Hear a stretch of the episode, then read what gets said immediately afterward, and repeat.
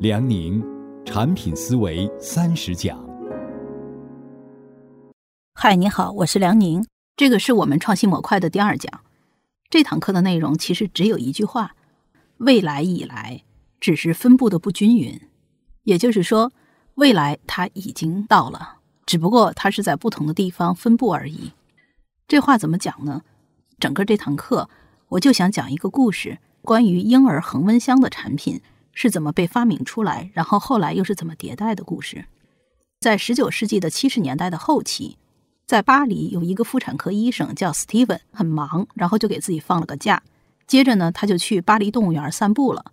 然后先是看了一堆什么大象啊等等，就是咱们在动物园经常看到的各种动物。接着呢，他看到了小鸡孵化器。这个故事是两个世纪以前啊，相当于是咱们大清统治年间。所以那个时候，鸡、鸭什么的都还是巴黎动物园里的观赏动物。总之呢，史蒂文医生看到了刚孵出的小鸡，在孵化器温暖适宜的这个环境里蹦蹦跳跳，他就有了一个想法，他就聘用了这个动物园的家禽饲养员，一个叫做奥迪尔·马丁的人，两个人合作，用这个小鸡孵化器的模式，制作了给咱们人类的婴儿恒温箱。按照现在的统计标准，在十九世纪末期。新生婴儿的死亡率那个时候是高的惊人的，而 Steven 呢，他做了统计，就是在使用他做的这个婴儿恒温箱之后，体重过轻的新生儿的死亡率从百分之六十六，多可怕，一多半人都死了，降低到了百分之三十八。每一个数字都是一个活生生的人啊，都是一个生命啊。经过了几十年，到了第二次世界大战之后，婴儿恒温箱呢，已经成为了美国的每家医院的标配。从而呢，从一九五零年到一九九八年之间的婴儿死亡率已经降低了百分之七十五。就有一项研究认为，婴儿恒温箱的发明对于公共健康的巨大保护作用，超过了二十世纪的任何一项其他发明，因为它是在一个人的生命之初就提供帮助，从而让一个人从这个点上他才拥有了人生。这么伟大的发明，其实是来自于一个医生去逛动物园看到的小鸡孵化器。这节课我们要讲的核心概念就是未来以来只是分布的不均匀。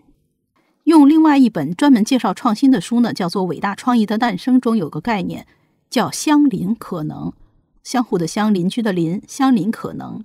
也就是说，我们需要的某种能力要素，它有可能其实已经产生并且成熟了，只不过呢是从其他的某个领域开始使用的，就要看这个其实已经存在的未来，它会不会撞到你的眼睛里。然后让你起心动念，这个其实就是灵感的瞬间。那么，婴儿保温箱的发明者应该算谁？是算斯蒂文医生，还是那个先做出了小鸡孵化器，然后又用同样的技术帮助斯蒂文做出了婴儿恒温箱的动物园饲养员奥迪尔呢？当然是斯蒂文，因为起心动念的人是他，定义产品的人是他，完成产品化关键环节的人还是他。此外呢？这个 Steven 其实还做了一项非常重要的工作，因为他知道他要推广，必须要得到法国的医疗机构的帮助，而法国医疗机构呢，对于统计数据是非常在意的。因此，他在婴儿恒温箱投入使用以后，马上跟上了数据调查。比如说，新生儿死亡率从百分之六十六降低为百分之三十八，这个数据就是 Steven 医生经过了一系列的跟踪，最后给出的调研数据。而这个统计结果。迅速撬动了所有的关键资源，从医疗机构到媒体，到投资大佬，到什么慈善人士，全面关注，从而推动了这个设备的普及。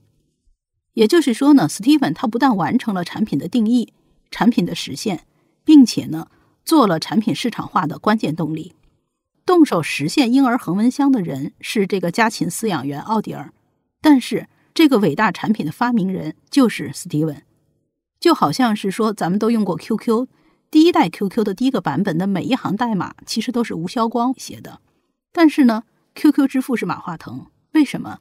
因为做这个产品起心动念的人是 Pony，是他做的产品的定义。我们刚才讲了婴儿恒温箱是怎么发明的，它还有一个版本迭代的故事，也非常的动人。我在这儿继续讲下去。二战以后，因为婴儿恒温箱广泛使用。其实，在欧美这种发达国家的出生儿已经是比较安全了，但是在很多条件不是很好的发展中国家，比如说利比亚、埃塞俄比亚这种地方，出生儿的死亡率还是很高。同样的问题，其实这些孩子是可以活下来的。问题是什么？那首先，比如说婴儿恒温箱非常复杂，非常贵。现在美国医院使用一台标准化的婴儿恒温箱大概是四万美元，但是从根本上来讲，贵不是一个没法攻克的难题，因为总有类似于像比尔盖茨这种人，他是愿意捐钱，愿意来帮助大家获得这种设备的。所以更难的一点呢，是在于只要是复杂的设备，一定会出现故障，而这种复杂的设备一定会依赖技术人员和维修配件。比如说，两千零五年，也就是印尼海啸发生之后的第二年。一些国际救援组织捐给了印尼的一个城市八台婴儿恒温箱，但是呢，到了两千零八年，也就是三年之后，当麻省理工学院的一个教授叫普莱斯洛他去的时候，这八台恒温箱全部都出了故障，停止使用了。原因是什么呢？当然各种各样了，比如说功率不稳呐，电压不稳呐，湿度高啊等等。但是最本质的原因是什么？是坏了不会修，没有人会修理。当地的工作人员看不懂这个婴儿恒温箱上面的英文维修手册，只能任这些孩子们死去。这八台恒温箱的故事其实是个典型的例子。很多案例表明，在捐给不发达国家的很多技术设备，大概会有百分之九十五前五年就因为故障没有办法再用了。所以呢，这个布莱斯洛教授呢，他就起心动念，他就觉得说不行，我要做一个新的婴儿恒温箱。他就出了一个迭代的产品的要求，产品需求是这样的：第一，这个新设备要更加可靠；二，它要便宜；最重要的是第三点，就是一旦出现故障，这个设备不会完全瘫痪，稍加修理就可以再次投入使用。这个呢，就是以他们做的这个新的婴儿恒温箱的产品定义。那到这里呢，其实你会发现，这个产品的基础功能并没有发生变化。要做一个为出生婴儿提供恒温透气的一个保障性空间，但是呢，这次产品迭代的核心要求是对外协资源做出了完全不同的定义。外协资源就是外部协作资源，在当地的社会条件下一定要可以修，可以修要保证两点：一可以找到维修人员；二要能够方便的找到维修备件。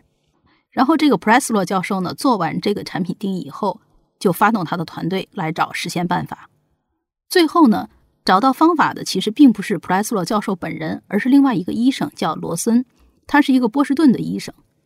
这个罗森医生呢，通过观察发现，在任何一个发展中国家的小城小镇都有汽车，都会有汽车的维修和保养能力。也就是说，在这些小城小镇，就算没有空调、没有笔记本电脑或者是有线电视。但是他们都要能够确保让汽车在公路上跑。罗森就向普莱斯洛教授提议，可不可以用汽车的零配件来改造出一种新型的简易的婴儿恒温箱？就是在罗森提出他的创意的三年之后，这个新的婴儿恒温箱就做出来了。他们给它起的名字叫育婴器。那从外部看上去，其实它和其他的婴儿恒温箱没有什么区别。但是呢，它的内部。它的特点是什么？就是它整个都是用汽车的部件来拼接完成的。它供暖是靠旧车的头灯和前驱光灯来提供供暖，用汽车仪表盘的风扇来保持空气流通、循环空气，用车门的蜂鸣器做报警系统。当这个供暖设备出现问题的时候，这个汽车的蜂鸣器就会叫，然后提醒护理人员。那动力来自哪里呢？就是来自于标准的摩托车的电瓶。或者是一个改良过的雪茄的打火机就好了。这个用汽车的零部件来做成的育婴器的好处是什么？不但可以利用当地供货充足的汽车零件，而且呢，只要是一个能维修汽车的人都可以修理这个育婴器。这个就是普莱斯洛和这个罗森医生的设想，让发展中国家的婴儿真正的能够被保护起来。它的配件必须能够轻易的在本地获得。要维修它，不是那种高高在上的技术专家，甚至你不需要去阅读维修手册，你只要有能力换一个出故障的车灯，你就可以轻松的去修育婴器。普莱斯勒用汽车配件改造的育婴器，造福了无数的孩子和家庭，这就是慈悲之心，这就是一个超级伟大的产品人。我觉得这个婴儿恒温箱的发明。和它的版本迭代的故事呢，非常动人，所以忍不住用一节课的时间和大家分享一下。因为用于培育小鸡的这样的一个器皿，用于汽车摩托车的这个零配件，如果你是用了另外一个视角和用途去看的时候，它就有了新的可能。最后的结果是什么？这些东西给了数以亿计甚至更多的人生命。有时候我们想到创新，你就会觉得高不可攀，或者是很浪漫神秘，就好像创新你必须得超越环境，横空出世。不是这样的。其实创新最重要的事情就是面对痛苦起心动念。如果斯蒂文医生不是因为新生儿的死亡而痛苦，那他看到小鸡在孵化器里蹦蹦跳跳，就不会怦然心动。如果普莱斯勒教授不是看到一边婴儿的死亡率高居不下，一边这边有八台仪器用不上，他也不会起心动念：我能不能用一个发展中国家随处可得的材料重构婴儿恒温箱？也就不会有之后的成果。当你为某件事情感到痛苦的时候，其实也许就是你心念已动的时候。也许你认为你自己应该着手系统性的解决它，就那个时候不妨到其他领域看一看，因为也许它就会在动物园或者在车库里等着你的眼睛看到它们。其实还是那句话，未来已来，只是分布的不均匀。你觉得还有哪些这种嫁接创新挺有意思的例子？我们可以在讨论区分享一下。这节课就上到这里。你想实现的，也许答案就在你隔壁的某个地方。谢谢。